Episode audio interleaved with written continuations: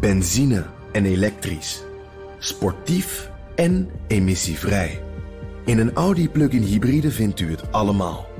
Ervaar de A6, Q5, Q7 en Q8 standaard met quattro vierwielaandrijving. Wat u ook zoekt, u vindt het in een Audi. Audi. Voorsprong door techniek.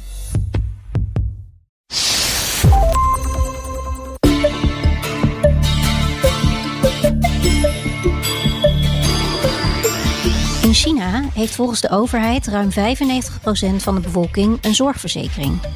Deze wordt betaald door de overheid. Maar dat betekent niet dat de Chinezen voor alles verzekerd zijn. Je moet heel erg goed opletten wat er wel verzekerd is. Vervoer, ambulancevervoer is niet verzekerd. Vaak zijn je familieleden ook niet, verze- niet mee verzekerd. Dus uh, het, het, het is een basis. Daarbij is de kwaliteit van de zorg niet overal hetzelfde. Want net als in het onderwijs is ook in de zorg het verschil tussen het platteland en de stad heel groot. Platteland is de kwaliteit echt nog wel een heel stuk minder. Uh, en merk je dus ook dat ik geloof op het moment er nog steeds iets van 100 miljoen mensen zijn die echt uh, geen toegang hebben tot tijdige medische zorg. In deze aflevering onderzoek ik, Liao Wang, hoe het gesteld is met de gezondheidszorg in China. Hoe erg verschilt die van de Nederlander? En wat is de rol van technologie in de Chinese zorg? Dat ga je horen in deze aflevering van de China-podcast. Van mijn gasten Ardy Bouwers. Ik ben directeur van China Circle en daarin doe ik van alles over China wat ik leuk vind. Onder andere lesgeven aan de Universiteit van Amsterdam, aan onderstudenten en uh, aan de universiteit, uh, de Jinan Universiteit in Guangzhou in het zuiden van China. En Geeske in het veld. Ik ben partner bij Beacon. Uh, ons bedrijf zit in Leiden en ik leid daar de China Desk. We hebben een kantoor in China ook en ik ben We gaan het hebben over het Chinese zorgsysteem. Uh, nu hebben we natuurlijk in Nederland een zorgsysteem waarbij iedereen eigenlijk verzekerd is. En uh, ja, dat ook niet zo heel duur is. En als het wel te duur is, dan, uh, dan krijg je daar tegemoetkoming voor. Um, hoe werkt dat eigenlijk in China, Ardi? Op dit moment, maar dat is redelijk nieuw, is er een basiszorgsysteem, een basisgezondheidszorgverzekering en een basispensioenverzekering. Um, Waarbij uh, de Chinese autoriteiten heel trots zeggen dat uh, volgens mij 90% van de Chinezen uh, verzekerd is voor, van pensioen en 95% voor gezondheidszorg. Maar daar is natuurlijk nog wel wat op af te dingen. Ja, en wat betekent verzekerd zijn? Wie betaalt dat bijvoorbeeld? In principe is dit de staat. Um, op, op zich, het is wel interessant om even een stukje terug te gaan. Als je kijkt naar, naar het recente verleden, dan had je onder uh, uh, Mao Zedong had je het ijzeren reiskomsysteem. Dus dat was echt een systeem waar de staat overal voor zorgde. Die zorgde dat je werk had, die zorgde dat je een pensioen had voor gezondheidszorg, kinderopvang, pensioen, alles. Um, en op een gegeven moment, uh, toen China wat meer economisch wat ging, ging hervormen onder Deng Xiaoping, toen werd er gesproken over, nou, we moeten die ijzeren, ijzeren reiskom los gaan laten. En uh, toen is er een periode geweest die echt heel uh, uh, pijnlijk was voor heel veel mensen die gewend waren om van de wieg tot het graf verzorgd te worden. Dus je hebt echt een aanpassingsperiode van, nou een beetje zeg maar 1980 tot wel tien jaar geleden, dus echt wel 30 jaar, dat ze allerlei dingen probeerden. En pas de laatste tien jaar heb je, is het bij wet wat beter geregeld dat mensen goed verzekerd zijn. En de jaren daartussen waren er dus heel veel mensen niet verzekerd voor zorg, als ik jou zo hoor. Ja, daar, daar um, probeer, werd, werd geëxperimenteerd met verschillende systemen. Uh, werd, eerst werd gekeken of werkgevers er niet voor op konden draaien. Nou, die waren daar niet. Dat ging niet zo soepel als, uh, als gehoopt werd. Um, en er zijn heel veel verschillende Chinezen. Dus je hebt mensen die inderdaad een vaste baan hebben waar de werkgever ook wat kan doen. Maar er zijn ook allerlei mensen die, die dat niet hebben. Ja. Dus er is echt wel, wel drie decennia lang een soort overgangsperiode geweest. Nou, en dat klinkt best ingewikkeld om drie decennia lang dan eigenlijk los vast of niet zoveel te hebben. En dan ineens in zeg maar de afgelopen tien jaar naar 95% verzekerd te gaan. Uh, is er dan wel genoeg zorg om te leveren voor al die mensen die in één keer daar toegang toe krijgen? Nee, het is echt een basisverzekering. Dus het is niet zo dat alles wat je aan ziektekosten nodig hebt, dat dat verzekerd is. Dus je moet, uh, afhang, je moet heel erg goed opletten wat er wel verzekerd is. Uh, vervoer, ambulancevervoer is niet verzekerd. Vaak zijn je familieleden ook niet, niet mee verzekerd. Dus het, het, het is een basis. Uh, waar uh, in principe mensen aanspraak op kunnen, kunnen maken. Uh, maar een van de grote problemen is dat voor iedere behandeling die je nodig hebt, of die nou ingewikkeld of simpel is, moet je vooraf betalen. En dat is natuurlijk een enorme drempel. Dus dan ben je verzekerd. Maar je moet wel eerst de handelingen betalen om die vervolgens terug te krijgen. Dus daarmee is in de praktijk kunnen heel veel mensen helemaal geen gebruik maken van die gezondheidszorg. Dus um, om concreet te maken, stel je voor, ik zit thuis, ik heb hoofdpijn, gaat niet over. In Nederland zou ik dan de huisarts bellen. Wat doet een Chinees, Geeske? Ja, dat hangt er heel erg van af waar je woont. Woon je in de stad of op het platteland? Uh, want daar is echt verschil. Uh, en binnen stad en platteland heb je ook weer verschil uh, in ja, hoe acuut is iets. ga je eerst naar je community arts of ga je direct naar het ziekenhuis? En is dat een soort huisarts, die community arts? Ja, in de stad kan je het wel redelijk vergelijken. op het platteland is de kwaliteit echt nog wel een heel stuk minder. en merk je dus ook dat ik geloof op het moment er nog steeds iets van 100 miljoen mensen zijn die echt uh, geen toegang hebben tot tijdige medische zorg. Dus echt in levensbedreigde situaties. En, uh, en dat is als ik jou dan zo hoor, vooral op het platteland. Ja, dat klopt. En is in de stad dan wel uh, voldoende zorg beschikbaar om al die mensen te verzorgen, zeg maar? Of zie je daar heel erg wat, wat Ardi ook zegt, dat heel veel mensen het dan toch niet kunnen betalen, ondanks die verzekering? Uh, dat hangt wel vanaf wat jouw verzekering is, inderdaad. Uh, hoe goed jij gedekt bent. Uh, en het hangt er ook vanaf. Uh, ja, wat de situatie is. Er zijn best nog wel heel veel ziektes waar ook weinig toegang is tot nieuwe medische technologie bijvoorbeeld. Dan wel vanuit het buitenland, dan wel eigen innovaties. En dat is nog voor heel veel uh, ziektes een probleem. Dus sommige mensen kunnen gewoon niet geholpen worden. Waar wij dat in Nederland misschien wel zouden kunnen worden. Ja, dus het is deels: heb je überhaupt toegang tot de zorg? Kun je het betalen? Kun je het bereiken? Is het dichtbij genoeg? Maar ook deels: kan überhaupt iemand in China die zorg leveren, waar ook nog een achterstand zit, als ik jou hoor? Er zijn wel uh, goede privéziekenhuizen uh, waar goed voor betaald moet worden ook. Je ziet bijvoorbeeld veel expats die daar hun kinderen krijgen of een kleine ingreep laten doen. Dat, dat is allemaal prima geregeld. maar dat is wel met eigen geld inderdaad vaak. En ik weet niet of je dit weet hoor, maar om een schatting te maken, zeg maar, hoeveel mensen in China denk je dat het kunnen betalen om de zorg te hebben van het niveau zoals wij die kennen in Nederland? Ik zou zeggen alleen een, een toplaag. Dus uh, een, een absolute toplaag heeft genoeg geld om, uh, om het de standaarden in te kopen die we hier in, in Nederland hebben. Uh, wat, wat een groot probleem is in, uh, in China, is dat uh, Chinezen geneigd zijn om onmiddellijk naar het ziekenhuis te gaan. Mm. Um, dus die, die huisartsen, de, de, er zijn wel huisartsen, general practitioners, maar het zijn er veel te weinig. En Chinezen hebben een enorme voorkeur om naar een specialist in het ziekenhuis te gaan. En die willen daar vandaan, dan, denk je? Ja, dat, is, daar, dat kan ik niet helemaal verklaren, moet ik zeggen. Ik weet dat het zo is. Er, er is een enorme. In elk geval is het altijd belangrijk om medicijnen voorgeschreven te krijgen. Um, dus dus een, een, een, patiënt gaat niet weg voordat hij een recept heeft voor medicijnen. Dat kunnen traditioneel Chinese medicijnen zijn of westerse medicijnen. Maar je moet op zijn minst iets uh, ergens mee naar huis. Er is een enorm vertrouwen in het idee dat zo'n ziekenhuis je beter kan maken, blijkbaar. Het is wel heel interessant om jullie dat te horen zeggen. Mijn, uh, mijn tante, uh, zij is Chinees, uh, ze woont in Australië, zij is arts. En haar zoon moet absoluut ook arts worden. maar niet als hij in China had gewoond. Want als je tegenwoordig in China arts bent, dan ga je echt helemaal stuk. Herkennen jullie dat beeld? Ja, als je kijkt, als je beelden ziet van ziekenhuizen of als je er zelf komt, dan zijn er is het zo vol. Die wachtkamers zitten afgeladen vol. Mensen staan in rijen, komen al heel vroeg om aan de beurt te komen.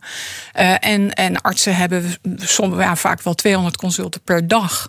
Dus, uh, en dan, dan iedereen eist van alles. Uh, er, er is ook agressie, mensen willen geholpen worden. Dat kan het systeem niet altijd. Um, dus het is een enorme stressvolle volle baan. En uh, niet een uh, werk wat het allerbeste verdient. En dat heeft dan weer als gevolg dat er ook wel wat corruptie is. Dus als je echt wil dat er iets, dat, dat er een medische handeling wordt verricht dan is het handig om daar om wat geld te schuiven of een envelop te schuiven, waardoor je toegang krijgt tot die zorg. De vrouw van een goede vriend van mij in Beijing is oogarts in een van de goede ziekenhuizen in Beijing. Uh, en, tijdens de COVID-periode kon hij uh, zijn eigen onderneming niet continueren, omdat zijn vrouw niet de extra operaties kon doen die ze normaal gesproken in Hebei, in de provincie rondom Beijing, deed, in het weekend. want daar kon het gezin dan van leven. Want ja, haar gewone basissalaris was niet voldoende. En nu werden ook de operaties afgeschaald, net als bij ons. Dus zij had gewoon niet genoeg inkomen, want je wordt ook nog per operatie en per handeling en per medicijn dat je verstrekt betaald. En die operaties die zij in het weekend deed in GB, die, die deed ze zeg maar zwart. Ja, dat is extra inkomen. Uh, en dan ben jij de arts uit Beijing, dus dan ben jij de specialist. En iedereen wil door jou geholpen worden. En hoe zou, de, hoe zou jij dan de kwaliteit van de zorg omschrijven als er zo'n hoge druk is, maar ook als mensen toch extra dingen gaan doen voor het geld, waar misschien geen toezicht op is? Nou, er is veel verschil. De publieke ziekenhuizen die er zijn, uh, die, het hangt er erg vanaf. Ook daar weer staan ze in de stad of in het platteland. Maar 80% zit is in de stad. Uh, laten we het, ja, even de verhouding van, van goede zorg, 80% in de stad. Maar ja, die privéziekenhuizen, die hebben een standaard die je kan vergelijken met onze standaard. Maar die publieke ziekenhuizen niet omdat er gewoon zo'n druk is op de artsen en, en te weinig apparatuur. Om deze problemen in de zorg aan te pakken, maakt China steeds meer gebruik van technologie. Zoals bijvoorbeeld deze dokter van een ziekenhuis in Zhejiang. This uh, 5G smart ambulance car, we have AR glasses. Ah. Once you put on, the doctor puts on these AR glasses and then put on the uh, headphones, then they can free their hands uh-huh. and just focus on uh, saving lives and what he sees in his eyes actually can be seen and transmitted through 5G technology oh, to the doctors. The monitor here. Uh, yes, okay. by this monitor can be transmitted in real time to the doctors and experts in the hospital mm-hmm. so they can help and guide him to take the right decision. More than that, they can also know all the condition of the patient before reaching the hospital. Mm-hmm. So they can also make their own preparations. En volgens Ardi wordt ook het gebruik van apps steeds populairder in de Chinese gezondheidszorg. En dat heeft er ook mee te maken uh, nou ja, met alle uh, de druk op de zorg waar we het er net over hadden. Um, de, de moeilijke toegang vanaf het platteland om uh, toegang te hebben tot zorg. En dat betekent dat um, er heel veel artsen zijn die op een gegeven moment met hun patiënten online contact hebben. En op die manier ook die diagnoses stellen. En dat is enorm doorontwikkeld. Dus wat je ziet is dat je echt allerlei appgroepen hebt van uh, mensen die aan een bepaalde ziekte lijden. Die elkaar dan ook op de hoogte houden. Die uh, contact hebben met de arts. Um, en de arts kan op afstand veel diagnoses stellen. Uh, en kan bijsturen. Maar er is dus echt een soort loop van informatie tussen arts, patiënt en andere patiënten van, uh, van dezelfde ziekte. Um, waardoor er op een hele efficiënte manier, op een hele goedkope manier, uh, gezondheidszorg uh, kan worden geleverd. En is dat iets waarop gestuurd wordt? Of is dat iets wat gewoon ontstaat? Of hoe? Nou, het is een beetje van allebei. Eh, wat je ziet is dat er een ongelofelijke nadruk is geweest de afgelopen, het afgelopen decennium op armoedebestrijding. En dus een onderdeel daarvan was: er moet betere toegang tot de gezondheidszorg op op het platteland met name komen. Um, en dat ging hand in hand met het uh, ontwikkelen van grote techbedrijven. die een kans zagen en die uh, dit soort apps zijn, uh, zijn gaan ontwikkelen. en dan zie je dat er ook samenwerkingen zijn tussen ehm, nou ja, enorme tech-giganten met de medische industrie. Dus je hebt bijvoorbeeld uh, longkanker. Uh, komt behoorlijk veel voor in China. Mensen roken nog veel. Wordt veel te laat geconstateerd. Als het, en bij longkanker betekent het dat er een heel klein, kleine groep maar uh, goed behandeld kan worden. en de rest sterft daaraan. Um, dus nu is er een heel systeem waarbij uh, allerlei foto's op verschillende uh, locaties kunnen worden gemaakt. Uh, en vervolgens die informatie wordt gedeeld en er op afstand een diagnose kan worden gepleegd. en vervolgens hebben dan ook weer de mensen die daarmee te maken hebben onderling contact. En krijg je allemaal netwerkjes. Dus die foto's worden gemaakt en die patiëntencommunity onderling, die deelt dat dan ook weer met elkaar.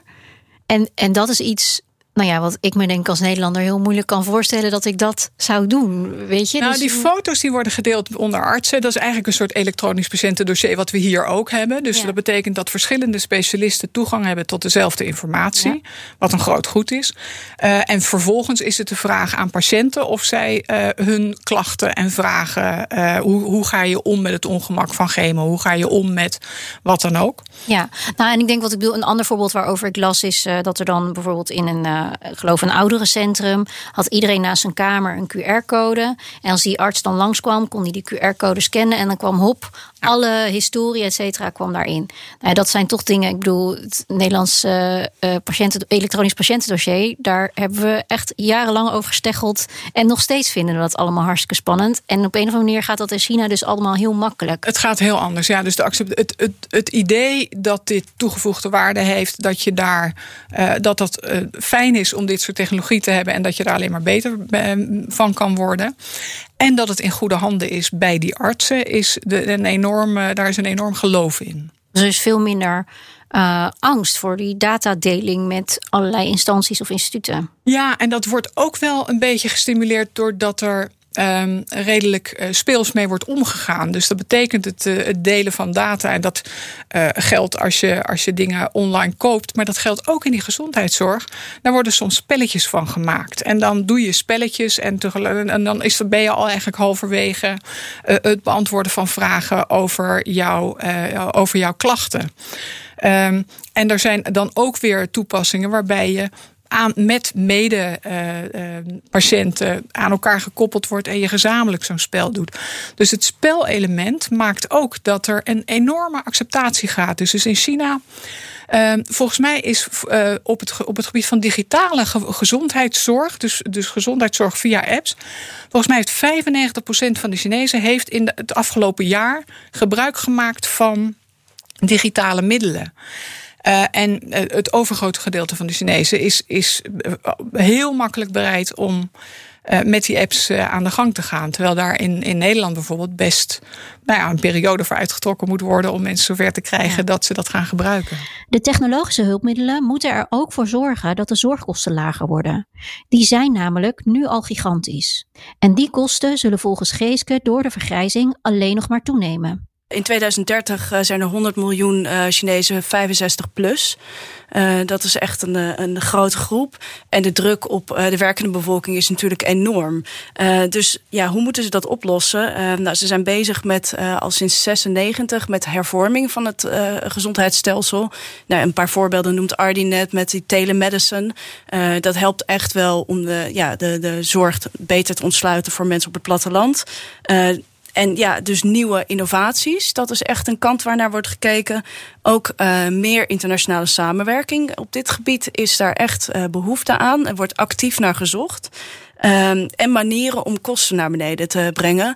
Bijvoorbeeld uh, grote multinationals die uh, al jaren actief zijn op de Chinese markt, merken nu echt uh, prijsdruk. De discussies die wij hier hebben over te dure medicijnen zijn in China ook gaande. Um, dat is de kant van de problemen. Aan de andere kant zie je ook dat er steeds meer bedrijven ontstaan omdat er dus zoveel incentives zijn. Uh, dus het wordt heel aantrekkelijk gemaakt om je bedrijf in deze sector te openen. Uh, dan merk je dat veel bedrijven uh, dat dus ook proberen. en dat daar ook wel ja, enorme groei in te zien is. Die vergrijzing is echt een thema voor, voor, voor de autoriteiten in, in Peking. Um, hoe daarop gestuurd wordt, nou wat je, wat je ziet is dat um, er wordt besloten van dit is, dit is belangrijk. Nou, de, we moeten onze oudere bevolking uh, ook zo mogelijk gezond houden. en dan betekent het dat er geld wordt vrijgemaakt om bedrijven die daarin bezig zijn, of het nou private bedrijven of staatsbedrijven zijn, kan allebei, die krijgen subsidies. de markt wordt een hele tijd redelijk afgeschermd en dan worden er eigenlijk worden door een soort Chinese reuzen uh, krijgen dan de, de mogelijkheid om te groeien. En vervolgens, nou, dan worden die subsidies op een gegeven moment afgebouwd. Dus dan moeten van de, paar, van de, van de vele bedrijven zijn er een paar over. En die, die kunnen dan doorgaan. Die hebben dan hun marktaandeel inmiddels veroverd. Die hebben hun research en development gedaan.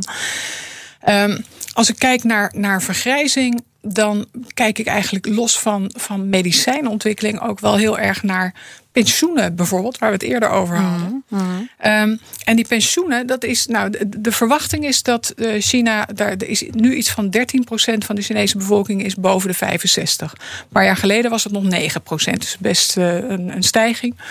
Verwachting is dat, dat een derde van de Chinese bevolking boven de 65 gaat zijn. Dat, dat, dat het daar zo'n beetje op gaat stabiliseren. Hmm. Eh, en dat betekent dus ook dat bijvoorbeeld die pensioenen, die pensioenpotten die worden opgebouwd, die zijn leeg, is het idee. Dus in 2035 uh, eh, is er helemaal geen geld meer over voor pensioenen. En dat betekent dat daar ook naar oplossing moet worden gezocht. Dus niet alleen hoe, hoe zorg ik voor de gezondheidszorg, maar ook hoe zorg ik dat wij, eh, of hoe, zorg, hoe zorgt Peking dat ja Eh, de hele bevolking uh, een, nou, kan landen in een soort zacht bed. Ja. en dat zijn enorme uitdagingen. Daarvoor kijkt China ook naar Nederland. De afgelopen jaren zijn er meerdere Chinese delegaties naar ons land gekomen om te kijken hoe de ouderenzorg bij ons is georganiseerd. 比较熟悉的一个这个氛围来养老。